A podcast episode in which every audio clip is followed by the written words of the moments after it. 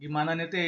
Mau ngobrol apa nih kau? Hah? Gini gini, kau dengar kan ya, Toh ya, Ah. gosip Nisa Sabian. Ah, ah. Dia tuh kan nikah siri, gosipnya udah sampai nikah, Yes. bukan cuma selingkuh. Ah, Nah, kalau misalnya secara Islam halal, Oke. ya kan? Dia, dia- itu urusan wali segala macam, insya Allah lado, Hmm. ya kan? Halal nih.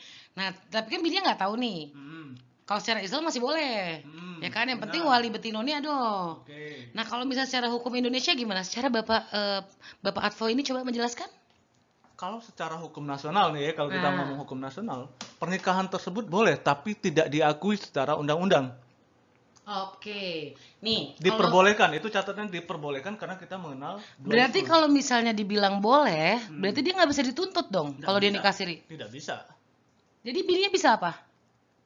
Ya berserah, kecuali Hmm. dengan catatan dalam pernikahan tersebut ada pemalsuan identitas.